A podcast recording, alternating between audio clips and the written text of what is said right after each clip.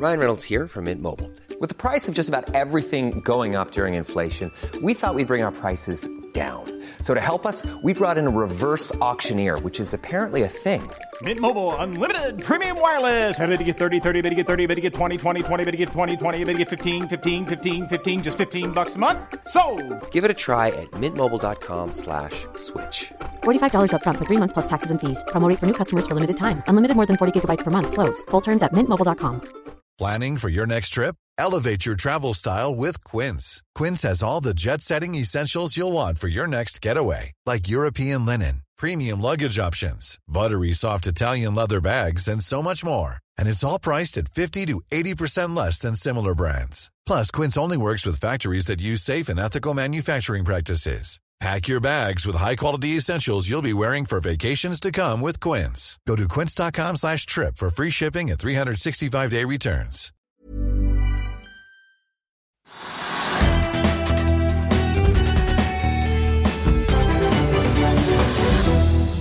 En riktig god onsdag alle sammen, og velkommen til Økonominyhetene. Mitt navn er Marius Lorentzen. Kalenderen viser 22. november. Vi skal snakke forsikring i dag, for Gjensidige har arrangert sin første kapitalmarkedsdag siden de fikk ny sjef. Men hvordan skal selskapet levere økt lønnsomhet i en verden med mer ekstremvær? Vi spør konsernsjef Geir Holmgren straks. Men vi må ta litt andre overskrifter aller først. OPEC-møtet er utsatt. Oljeprisen den raser nedover i dag. Vi er halvveis ute i en uke som snart skal roe seg, i hvert fall for amerikanerne med thanksgiving. Men OpenAI-dramaet ruller videre, og siste nytt er nå at gründer Sam Altman og teamet rundt han er tilbake i AI-selskapet som Microsoft altså sitter med 49% av, bare dager etter at han ble sagt opp fredag og fikk jobb igjen på, Microsoft sent søndag. Og for øvrig da inn i OpenAI-styret så kommer tidligere co-CEO i Salesforce, Brett Taylor, tidligere finansminister Larry Summers kommer også inn i styret, så da får kanskje Satya Nadella, Microsoft-sjefen, den uh, forbedrede governancen som han har etterlyst i OpenAI de siste dagene. Ellers i verden så er det også mye som skjer. Kryptoselskapet Binance godtar en bot på 4,3 milliarder dollar, og toppsjef Shangpeng Zhao vil erklære seg skyldig i føderale anklager i USA om bl.a. hvitvasking. Her hjemme så fikk Skipsted og Adevinta-aksjonærene endelig en avklaring, for i går kveld så kom altså gigantbudet fra Blackstone og Permira, som mange har ventet på, på da Adevinta. Skipsted får ut 24 milliarder kroner i cash og blir med videre med et indirekte eierskap på 13,6 i Adevinta, mot dagens da drøye 28. Budet er på 150 15-kroner-aksjen, som noen kanskje syns er litt lavere enn de hadde håpet på. Mer om det litt eh, senere. Vi holder også et øye eh, med AI-giganten Nvidia og aksjen deres, nå som handel på Wall Street er en snau time unna. De leverte i går kveld fortsatt knallvekst, får vi si, over 200 mot eh, tredje kvartal i fjor, men de advarer også om konsekvensene av eksportkontrollen som USA har innført på en del høyteknologi og halvledere da mot Kina. I markedet nå så kan vi jo titte litt på hovedindeksen. Ser ut til at vi får en slags déjà vu fra i går, da hovedindeksen bare dalte nedover og endte ned 1,4. I dag startet vi eh, opp rundt halvprosenten, men har mistet høyde utover og ligger nå ned 0,33 til 12,84. Tror vi kan skylde på oljeprisen, altså, som har sus nedover under 80 dollar fatet igjen i dag, fra en topp på 82,60. Vi ser spotprisen er ned nesten 4% nå, og vi er da for første gang siden torsdag forrige uke under 80 dollar fatet igjen. Det er jo da, eller skulle hvert fall jeg si, OPEC-møtet som skulle sparkes i gang på søndag i Wien. Det blir det foreløpig ikke noe av, for OPEC bekrefter nå at det er skjøvet til torsdag. Vi snakket jo med SEBs Bjarne Schjelderup her i går, som bl.a. har påpekt at det spekuleres i om Saudi-Arabia og Russland vil forsøke å presse de andre OPEC-medlemmene til å bli med på større produksjonskutt eh, for å holde markedet i balanse i deres uh, favør. I Europa ellers relativt grønt på børsen i dag, med et par unntak i England og Helsinki. Og vi så jo relativt få utslag av rentereferatet fra den amerikanske sentralbanken i markedet i går kveld, der det altså kom frem at det ikke var noen diskusjoner om noe rentekutt i det hele tatt, får vi si. Noe en del i markedet virker å gå rundt og håpe på skal skje neste år. Titter vi på futuresene på Wall Street, så er de oppover nå etter den nedgangen vi så på de tre store indeksene i går. Så får vi også merke oss at Jobless Claims-kallene som uh, kommer hver uke fra USA, skal være på vei ut i skrivende stund. Et par andre nyheter som er verdt å få med seg. Fedrelandsvennen meldte i ettermiddag at Rex Solar legger ned virksomheten i Norge. Det betyr at rundt 100 ansatte mister jobben i selskapet som produserer silisium. Vi får vel kalle det et nytt nederlag for den norske solindustrien. Det er jo ikke så veldig lenge siden Norwegian Crystals gikk konkurs, de også. Verdt å merke seg at Rex Solar Kristiansand ligger jo da i samme strømsone som meieriene både på Sem og i Kristiansand, som Tine nylig annonserte at de skal legge ned, som jo sliter med relativt høye strømpriser sammenlignet med mange av oss andre rundt om i landet. Over 100 ansatte mister også jobben i Satseide Fresh Fitness, men Sats lover at de skal få tilbud om å bli omplassert i andre treningssentre der, når Sats nå tar grep for å kutte kostnader. Vil du bli oppdatert på det viktigste som har skjedd innen finans og næringsliv? Da er det bare å følge med, for hver morgen er jeg, Marius Lorentzen og aksjekommentator Karl Johan Malnes på plass i studio for å ta tempen på dagens marked i Børsmorgen. Og hver ettermiddag oppsummerer vi alt du trenger å vite i Økonominyhetene, og det blir selvfølgelig masse interessante gjester. Klikk deg inn på fa.no-tv, eller søk opp Børsmorgen og Økonominyhetene der du hører på podkast.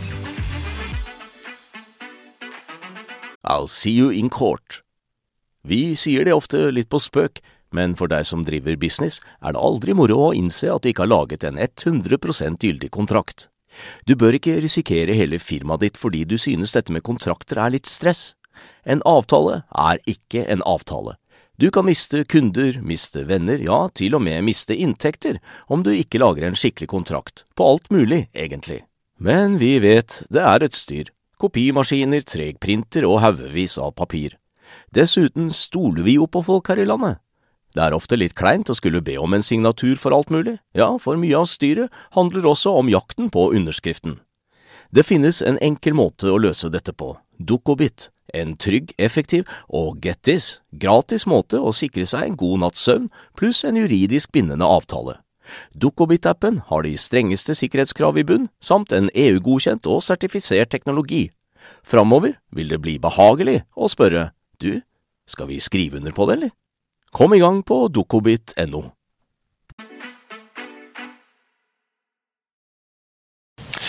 Nå skal vi til dagens eh, gjest. Vi skal frigjøre det fulle potensialet. Ja, det var overskriften, i hvert fall litt kjapt oversatt fra engelsk på Gjensidige sin kapitalmarkedsdag i dag.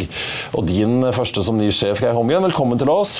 Tusen takk. tusen takk. Ja. Skal vi begynne med det? Du har jo ja. merket meg Roy Tilly Arctic Securities, som blant annet selvfølgelig har dekning på dere og mange andre ja. finansselskaper, så han var positivt overrasket. Aksjen opp en prosent mm. eller to i dag. Hvordan syns du mottakelsen selv har vært? Uh, bra mottakelse, god mottakelse, men ikke minst god stemning og mange fine spørsmål gjennom dagen i dag. Eh, og vi legger jo lista litt høyt nå, og samtidig har vi, og jeg eh, Nå har vi lagt veldig gode planer og har fin, eh, fint driv i forhold til å realisere de målene vi har satt nå da, for de neste tre årene.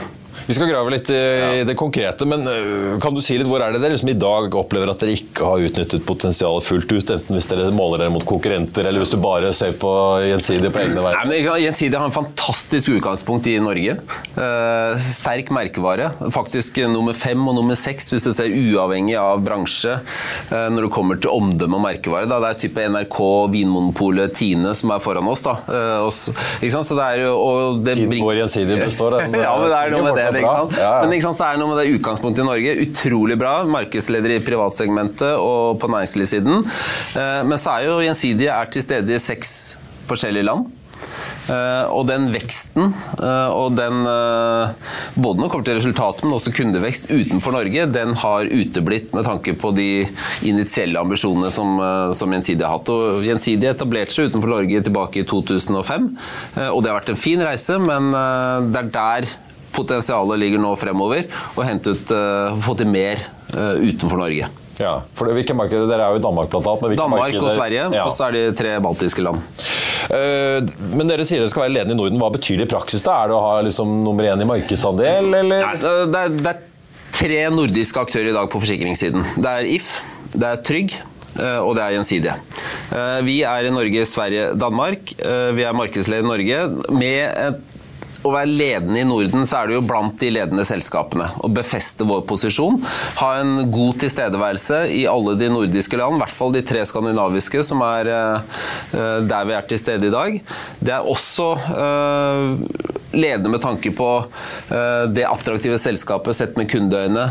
Vi som klarer å levere skadeoppgjør. Vi har vært gjennom en høst nå hvor det regner mye. Uh, det kommer vi sikkert tilbake til. Uh, men Og det å kunne være god på håndtering av den type hendelser for kundene og skape en tryggere hverdag for kundene, det er liksom summen av det vi faktisk bringer på bordet, eh, som også skal være ensbetydende med at vi oppfattes som et ledende selskap. Men det høres ut som en ganske øh, altså, krevende kanskje balansegang her. Da. Dere sier det skal øke lønnsomheten, vokse utenfor Norge og beholde kapitaldisiplinen. Det å vokse pleier jo sjelden å komme gratis. Øh, altså Enten i form av kundekapring med gode dealer, eller at man må etablere og vokse salgsapparat. Ja. Uh, jeg, jeg, kommer inn i en side for eh, elleve måneder tilbake. Uh, ble kjent med en fantastisk virksomhet. Har brukt mye tid på å reise rundt og bli kjent med kulturen. Og med menneskene og med kompetansen.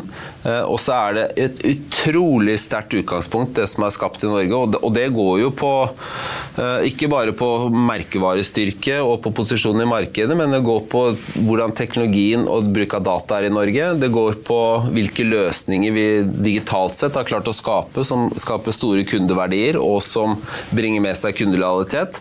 Det går på hvordan vi har etablert et utrolig bra nettverk av partnere, samarbeidspartnere og nettverk når det kommer til de som hjelper oss med å utbedre skader når skader skjer. Og Det er jo denne tenkningen, eh, denne strategien, som vi ser et utrolig fint potensial ved ved å kunne bruke utenfor Norge. Og Det er det som er hovedambisjonen her. Så Vi skal jobbe operasjonelt med det vi allerede kan, men å få det realisert i mye sterkere grad. Og nå er det Danmark vi peker på. Det er vårt hjemmemarked nummer to. Vi har en nummer fire-posisjon hvis vi ser på markedsandel i Danmark. Gjensidig er også et dansk begrep, så det er jo kjent i Danmark òg. Så det er en merkevare som etter hvert begynner å feste seg veldig godt. Eh, vi hadde journalister i dag fra Danmark som var nysgjerrige på budskapet vårt, til stede. Eh, så dette er, eh, dette er en reise vi har begynt, men som virkelig nå skyter, skal få til å skyte fart. Og da er jeg jeg trygg på at dette ikke skal gå på bekostning av eh, misbruk av kapital eller manglende kapitaldisiplin, eller at vi skal eh, snuble når det gjelder eh, også utvikling av lønnsomhet. Men La oss gå på et par av målene som dere sier her. Da. Dere har jo dere har en såkalt combine ratio, som er da utbetalinger og kostnader mot, mot premieinntekter på 88, skal ned til Først 84, 24, 25, så under 82. Mm. Men jeg tittet litt på, på expense ratio, altså driftskostnadene deres mot premieinntekter. Har ligget ganske sånn jevnt 13-14 i mange kvartaler. Plutselig hopper den opp på 17 i, i Q3. Er det engangseffekter med ja. Hans og Flom i Oslo med styrtregn? og Nei. Øh, hva, altså? Kostnadstallene i tredje kvartal var Vi har et pågående stort IT-prosjekt som har pågått i fire år i Danmark. Der vi, gjorde vi en nedskriving og det er første gang vi gjør, og det er også noe vi øh, øh, ikke planlegger med skal gjenta seg fremover, men det var en større nedskriving, og den dro med seg engangskostnader som gjør at vi som gjør kom liksom utenfor det som var normalen. Da. og det er vi har uh, stor trygghet med at det er et unntakstilfelle. Men liksom, det som er innenfor vår bransje, innenfor forsikring, så er liksom, det vi kaller combined ratio er et nøkkeltall. Da ser du på kostnadsutvikling og skadekostnader, da, erstatningskostnader, som du sier, delt på premieinntekter. Det er et nøkkeltall. Uh, og, og, det sier litt om uh, evnen til å kunne prise riktig. Det sier litt om det å Hvilken buffer du har, kan man vel si. Ja, men, ja. ja buffer, men også hvilke, det er jo hvilke fortjenester du skal har. da Ligger på 100, så er det, det er kostnader kostnader og, og skading er det samme som du tar i premie. Så det ligger under deg, illustrerer jo marginen per krone inn. Eh, men vi ser også at eh, kunder er forskjellige, bruksmønster er forskjellige, produkter er forskjellige.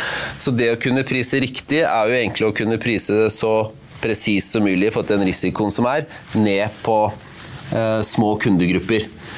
Og der jeg er i hvert fall veldig stolt av det vi har klart å bygge opp over tid, og det jeg møter når det kommer til den type prismodeller og risikoforståelse. Da. Og her er jo ny teknologi, eh, maskinlæring, AI, er jo utrolig relevant da, for å kunne hele tiden predikere da, og estimere den type risiko bedre og bedre.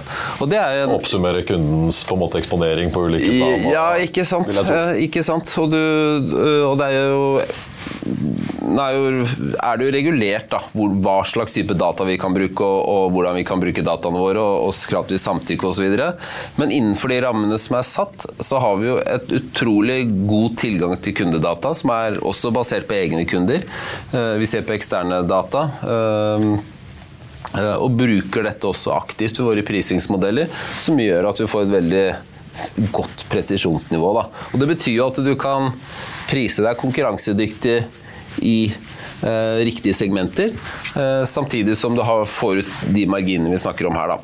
Eh, det at vi nå øker eh, i 2026 sier at eh, ok, combine ratio, da, kostnader og erstatninger delt på premier, eh, skal ned til under 82% så er det et, et steg videre uh, i forhold til der vi står nå, uh, men mye drevet av akkurat den derre lønnsomhetsforståelsen, prisingsevnen. Vi skal uh, gjennom leverandørnettverk osv. Så, skal vi også dra ned kostnadene vi bruker på skadebehandling. Vi bruker 18 milliarder kroner hvert år til skade og reparasjoner. Og det, det er jo en stor kostnadsmasse. Ja, det er dyrt å reparere elbiler og hus og bygg og alt det der. ikke sant? Så det er også gode avtaler der. Gode prosesser rundt det. Bruk av teknologi er jo også hjelpsomt da, for å nå disse nøkkeltallsmålene våre. Som næring da, så får dere i hvert fall på bilfronten dere får litt motgang ved at disse bilene blir bare dyrere og dyrere og mer og mer komplisert ja. å reparere. Men de har jo stadig flere sensorer som hjelper oss med å ikke krasje. Da, så det, jeg vet ikke hvordan utvikling samlet sett blir. Men hvis vi ser ellers på skader, da. Øh, mm. Dere og andre forventer jo stadig mer ekstremvær. Vi så en del utslag nå. Ja. Hvordan treffer det dere? Fordi det blir jo veldig ofte vist til at mye tas på naturskadepolen. Uh, og dere har jo reassuranse også i selvfølgelig i bransjen, men uh, regningen må jo tas et eller annet sted. Uh, klarer dere, En ting er jo selvfølgelig å øke prisene ut mot kunder, mm. men klarer dere å ta noe grep for å ja. få ned eksponeringen her, for å få ned også regningen? Ja. Bare en liten kommentar først. Har, I Norge har vi en naturskadeordning som gjør at flom og storm og øh, den type naturkatastrofer, da, når det kommer i stort monn, øh, går gjennom naturskadeordningen. Det frigjør ikke oss for regningen, det er bare en annen måte å fordele regningen. Da, vi, da får vi som gjensidige vår andel av den kostnaden, så lenge det er naturskade, i forhold til vår markedsandel. Så det er mer en eh, mekanisme for å fordele regningen. Det er til syvende og sist uansett selskapene som sitter igjen med regningen. Eh, nei, gjennom høsten så har vi i Norge og Danmark egentlig også eh, har vi hatt Det har vært mye vær. Mye regn. Styrtregn som har ledet til flom. Vi kjenner Hans veldig godt. Et par uker etterpå så hadde vi styrtregn i Oslo, mm. hvor det var mange kjellere. Parkeringskjellere på Bekkelaget. Ja, det var ja. mange kunder på Nordstrand som hadde kjelleren full av vann, og andre steder. I Danmark hadde vi nå København forrige helg. Eh, et av de største regnskyllene på mange, mange år. Eh, eh, Så dette treffer oss i en eller annen økt forstand. Men det vi er opptatt av her, her dette er et viktig tema for oss. Da. Over tid så ser vi at risikoen knyttet til vannskader øker. Det vi har sett i år, er et mer tilfeldig utslag et enkeltår, enn at vi ser at dette skal gjenta seg hvert kvartal eller hvert år. Eh, det, de hendelsene vi har sett i år, er uh, Vi forventer mer ekstremvær fremover, men vi har ikke definert et helt nytt nivå i år. Nei, jeg som, tenker, Men trendene jobber jo litt mot ja, det som bransje. Da, hvis det, det, vi, det, vi, ja, og det vi har gjort... Å øke lønnsomheten gitt at uh, her blir det mer utbetalinger etter all sannsynlighet. Ja. I hvert fall på aggregert nivå. Ja, det vi har gjort, har vi jobbet en del sammen med uh, Norsk Regnsentral og, og, andre. og, og, og, da bruker vi klimamodeller. Uh, og så ser vi på, og så bruker vi våre egne data, altså kundeinformasjon, skadehistorikk. Vi, vi ser på topografien i Norge. og så har vi klart å fremskrive, og da er det liksom en tiår, tiår, tiår fremover. Da. Eh, hvordan risikoen for vannskader øker helt ned på bostedadresser i Norge. Eh, og De gir en utrolig bra innsikt, og så må vi stille spørsmål om hvordan bruker vi den innsikten best mulig. Og Da er det noen ting vi gjør. Det ene er å ha dialog med kommunene, som vi ser er mest utsatt. For hva kan kommunene gjøre, og vi gjøre på et nasjonalt nivå, da, for å redusere risiko, faren knyttet til flom og uønsket uh, vannhendelser av den karakteren her. Så det er liksom ett tema. Vi ser på bygningsmassen. Hva kan vi gjøre på når det gjelder tak? og bruk av bygningsmaterialer for å tåle mer vann. Eh, og så er det tredje, og det, det er et høyaktuelt spørsmål nå etter hans. Eh, hvor er det vi skal tillate at det bygges boliger? Og hvor skal det kunne være campingplasser osv.? Ja, for hvor mye vakt har dere da? Kan dere gå inn på Nei, typ en campingplass og satse av din polise? Nei, på eh, den, den, Hvis ikke du flytter? den situasjonen Gjensidige har i Norge i dag, så må vi søke å ha god dialog og kunne påvirke prosessene. Eh, det er eh, svært krevende for oss eh, i det korte bildet nå å si at er, vi, kan ikke forsikre der, eller vi kan ikke forsikre der. Eh, vi har områder, andre deler av eh, verden, som er egentlig uforsikringsbare. Eh, Men det vil jo være utrolig krevende for den enkelte med tanke på boliglån og andre ting, ikke hvis ikke har den forsikringen i bunn. Eh, og den situasjonen tenker jeg at vi ikke står i nå. Men eh, de prisene som man må operere med, må jo også ta høyde for eh, den risikoen man har eh, avhengig av også av beliggenhet. Der vi fikk ganske mange kundereaksjoner i høst fordi kundene er litt frustrerte over at man skal være med å dele regningen på de som har en campingvogn eller en hytte eller en bolig som er helt i vannkanten. Så det er jo et problem og et tema som vi virkelig må ta på alvor. Ja, for du risikerer jo at noen ja, kanskje sant, det hvis, du skal være, hvis du skal bre, bre byrden over mange kunder, så kan du risikere at en konkurrent kommer og sier nei, vi, vi tar bare de beste kundene. Og, på siden. Ja, ja Uh, og så er det god dialog i Norge gjennom bransjeorganisasjoner og mot myndigheter for å håndtere denne type risiko. Jeg tenker jo Det aller viktigste nå er å ha gode planer øh, og ikke minst gode virkemidler for å faktisk øh, tillate bygging kun på steder som ikke har den type eksponering da, mot øh, flom da, som vi har sett i høst. Så, og, og, liksom ja. Og, og så vil jeg si at øh, vi tar jo høyde for gjennom et år at vi har et, øh, et volum på ulike storskader. Det kan være en stor brann, eller det kan være andre hendelser. Eh, og vi er jo over, og, og vi ser ikke noen grunn til å endre eh, vår vurdering rundt hva som er storskade fremover, på bakgrunn av det som har skjedd i år. Så det er, øh, det er Med en litt stor virksomhet og, og med eksponering i flere land, så er det alltid, kommer det alltid storskader. og sånn Størrelse gjør at det øh, store talls lov gjelder litt der òg. Så det øh, normaliseres over tid. da. Jeg så øh, Per tredje kvartal så var vel forsikringsinntektene deres opp en øh, Litt avhengig om du regner lokalvaluta eller ikke, da, men ca. 10-11 Øh, Jeg så Odd Arild Grestad, konkurrenten i Storebrand, var ute og sa at det snakkes i bransjen om at man må opp med 10% fra, altså i 2024, da, fra 1. januar. Er det det kundene, kundene må forberede seg på øh, for å ta unna både inflasjon og også økte utbetalinger?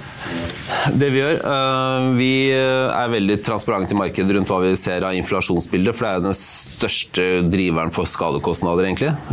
Virksomheten er jo at vi tar jo betalt for en forsikring i dag, og så kan jo skaden skje om nesten et år, og, da, og utbetaling skjer deretter, ikke sant? Så da, da drar vi jo på oss en inflasjon det året. Eh, Og det vi sier er at på alt som har med bygningsmaterialer eller bygninger å gjøre generelt, så ser vi en inflasjon nå den nærmeste tiden på 4-6 Eh, På motor eller bil 5-7 litt høyere. Eh, Og kanskje nærmere 7% den nærmeste tiden. Da. Og da har vi tatt med oss litt valutaeffekter. Det er biler så er det mye innkjøp av materiale fra utenfor Norge. Vi har tatt med oss litt lønnskostnader for å foreta reparasjoner, så er det liksom en totalvurdering. Eh, og det er jo det som har vært grunnlaget for oss nå hele tiden fra dag én, når vi tenker hva er det vi må prise opp og øke premiene med, er egentlig i dette terrenget her som er eh, vår vurdering rundt inflasjon. I tillegg, eh, og bare en tilleggskommentar til det. Vi har gjennom andre-tredje kvartal så kommenterte vi mye markedet på noe høyere skadefrekvens, altså flere skader knyttet til bil, som gjør at vi allerede fra juli har priset noe opp på bil, som kommer da i tillegg til den informasjonsestimatet da, som ligger på 57 Eh, Men at Storebrand snakker om 10 det må på en måte de gjøre ut fra hvilke ambisjoner de har, og hvilke lønnsomhetsmål de har, og, og hvordan de har klart å prise inn inflasjon allerede. Eh, Vi er i hvert fall veldig trygge på at vi har tidlig håndtert inflasjonsutviklingen godt. Det gjør at du slipper det etterslepet, som er eh, veldig kostbart. For da får du ta igjen to års inflasjon i én prisøkning, er veldig dyrt. Så vi har klart å holde tritt med det. Eh, Og, og for øvrig så er det egentlig litt sånn kundespesifikke vurderinger ut fra lønnsomhet. Det høres i hvert fall ut som et knepp under uh, Storebrand og co. Vi får se uh, utover i 2024. Men som bransje så tar dere inn penger, ikke sant? og så skal det senere utbetales som oppgjør. Det betyr at dere sitter i mellomtiden og forvalter veldig mye penger. Altså, dere og andre har jo store porteføljer. Hvis vi går inn og ser på dere, så er det jo ikke helt overraskende det meste i selskapsobligasjoner og mye i statsgjeld. og vel grovt regnet fire av seks kroner som står i selskapsobligasjoner. Mm. Der har jo rentenivået kommet voldsomt eh, opp. Hvor mye drahjelp eh, får dere av eh, økte finansinntekter fremover? For jeg ser jo at i hvert fall i fjor så var det jo ganske, et ganske surt år, men det var det jo mange som opplevde med både fall i, i rentemarkedet og aksjemarkedet. Ja. Nei, det to kom, par kommentarer rundt det. Det ene er ja, det er, det er hjelpsomt med tanke på våre samlede inntekter. I dag så løftet vi også avkastning på egenkapital, altså return on equity-målene våre. Uh, nettopp på bakgrunn av at vi ser at jo, vi får høyere finansavkastning nå en periode fremover. Uh, vi ser at papir vi reinvesterer nå, eller uh, investment grade oss, i Norge gir opp mot 5 da, i en sånn tre-fire års horisont. Så vi ser at vi Eh, det gjør at vi øker den type finansielle målsetninger. Da. Eh, og det er jo eh, med på å øke resultatene, og sånn sett også legge mer til rette for å skape utbytte til aksjonærene. Det vi er opptatt av, da, er at den type inntekter ikke skal gå på bekostning av at vi skal tenke annerledes rundt kvaliteten og soliditeten og robustheten i hvordan vi priser forsikringsrisiko. Eh, så ehm, for selskapets del og for våre aksjonærer så er det en tilleggsinntekt som kommer i en periode nå hvor vi opplever at det eh, finansmarkedene er, uh, gir oss økte inntekter. Ja, Så regner ikke den med en underliggende Nei, vi, vi lar ikke det subsidiere eller uh, systemet? Nei. Nei, så den blir en, uh, kom på toppen. og Derfor har vi også økt målene en, en del da, på ja. akkurat det elementet. Uh, til slutt tenkte jeg å høre litt, fordi uh, en ting er jo at Dere har mål på, på CO2-slipp og på liksom investeringsporteføljen innen 2050, og en del som skal nå netto null-målet her. Men uh, jeg merket meg også at dere skriver at dere er jo påvirket av, av taksonomien i EU og skal ha 80 av forsikringsinntektene ja. skal innfri EUs krav innen 2026. Hva, hva går egentlig det ut på? Ja. Taksonomien generelt er jo et klassifiseringssystem eh, for å komme bort fra det en del aktører kanskje har drevet med for å kalle det grønnvasking. Da. Eh, og du, eksempel, du kunne satt opp et eh, investeringsfond og så sagt at dette er et grønt fond. Nå har det jo kommet kriterier og regler som er veldig tydelige på når du kan hvilket nivå du skal kunne klassifisere den type produkter på.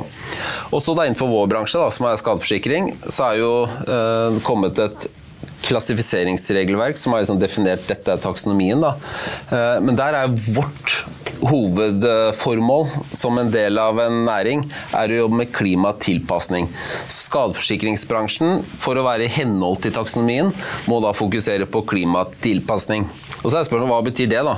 Det betyr at innenfor eh, bygning eksempelvis, så skal vi gi insentiver til kundene våre og vi skal foreta skadereparasjoner. Og klimatilpasse seg, oppgradere energieffektivisering. Yes, ja. ikke sant? Akkurat den retningen der. Du er nødt til å legge Det i strukturen din. Ja. Yes, og da går det på hva slags materialer du bruker, om du klarer å lage, um, få det mer robust i forhold til å tåle mer vann osv. Og, og når vi foretar en reparasjon, så må reparasjonen skje slik da, at det huset vi setter opp, setter opp igjen, er mer robust mot uh, klimaendringer og mer vann enn det det var i forkant. Og, er, og når vi da sier 80% så sier vi at uh, vi har gjort mye på bygg nå. På bolig, uh, boligsameier og på bygning. Vi introduserer nå oss for bil. Uh, og det vi har jobbet med på bil, er jo at vi Og da er spørsmålet hvordan, hvordan er en bil mer klimatilpasset enn ikke? Ja, det, det, skal du øke prisene på de som fortsatt kjører bensin og diesel? Nei, ja, nei, nei det, det, er egentlig hvordan er bilen mer robust for å tåle mer Hvordan er en bil mer robust for å tåle mer regn og mer uh, et villere vær? Det viktigste virkemidlet da hjelpemiddelet for en bil er å ha gode dekk. Eh, og vi gir da ekstra insentiver på prisingssiden for kunder som har eh, eh, god mønsterdybde i dekkene sine. og vi dekker også punkteringskostnader hvis du skal være uheldig å punktere osv. Så, videre. så vi er på en måte innarbeider dette da, i våre strukturer som eksempel da, på hvordan vi kan tenke folk i tillegg til å melde inn kilometerstand, gå og måle dybden på dekkene og melde inn det på Nei, men, det er, nei, men flere og flere av kundene har egentlig? Det er dekkhoteller, og det er jo mye mer automatisert den type aktivitet, da, vil jeg si. Så det er Det går enklere og enklere, vil jeg si skjer mye. Geir Hamgren i Gjensidige, tusen takk for at du eh, kom innom. Jeg tenkte bare for å runde av og nevne at uh, apropos det Vinta, da, hvor det har kommet bud på 115 kroner, ligger på 111,50 i dag. Både de og Schibsted opp drøye 5 eh, så langt. Aksjen til Schibsted riktignok ikke opp mer enn 3,2. Men Folketrygdfondet er ute i dag, de er jo aksjonær og sier til E24 at de vil vurdere alternativene sine etter budet som nå har kommet. Et bud de hadde forventet skulle være høyere. Nå skal vi tro den relativt ferske aksjedirektøren Karl Mathisen så vil de nå vurdere posisjonene sine i både Skipsted og Adevinta. Eh, folketrygden er jo da rundt 2,6% av Adevinta og rundt 8 da i både A- og B-aksjen i eh, Skipsted. Hovedveksten på Oslo Børs eh, ligger ned 0,2 har hentet seg litt inn, men fortsatt altså i rødt territorium etter dagens start i uh, grønt. Future på Street peker fortsatt oppover der mot uh, starten, som er bare en halvtime unna.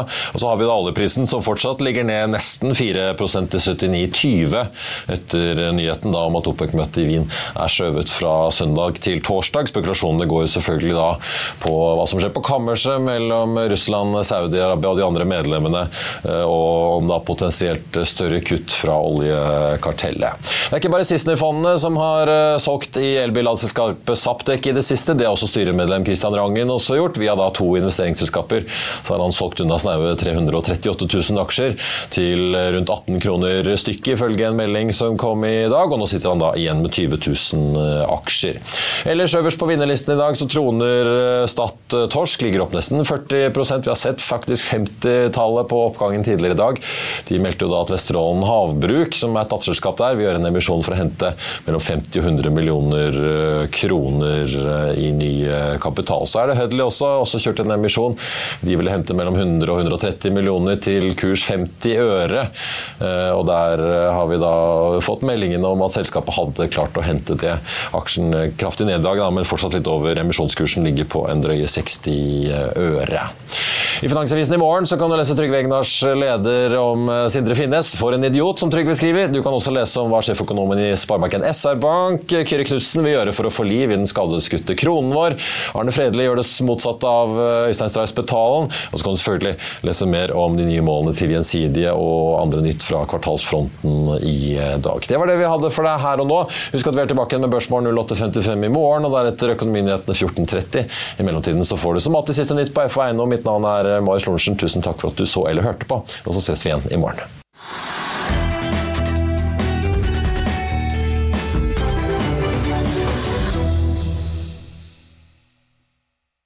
Økonominyhetene er en podkast fra Finansavisen. Programledere er Marius Lorentzen, Stein Ove Haugen og Benedikte Storm Bamvik.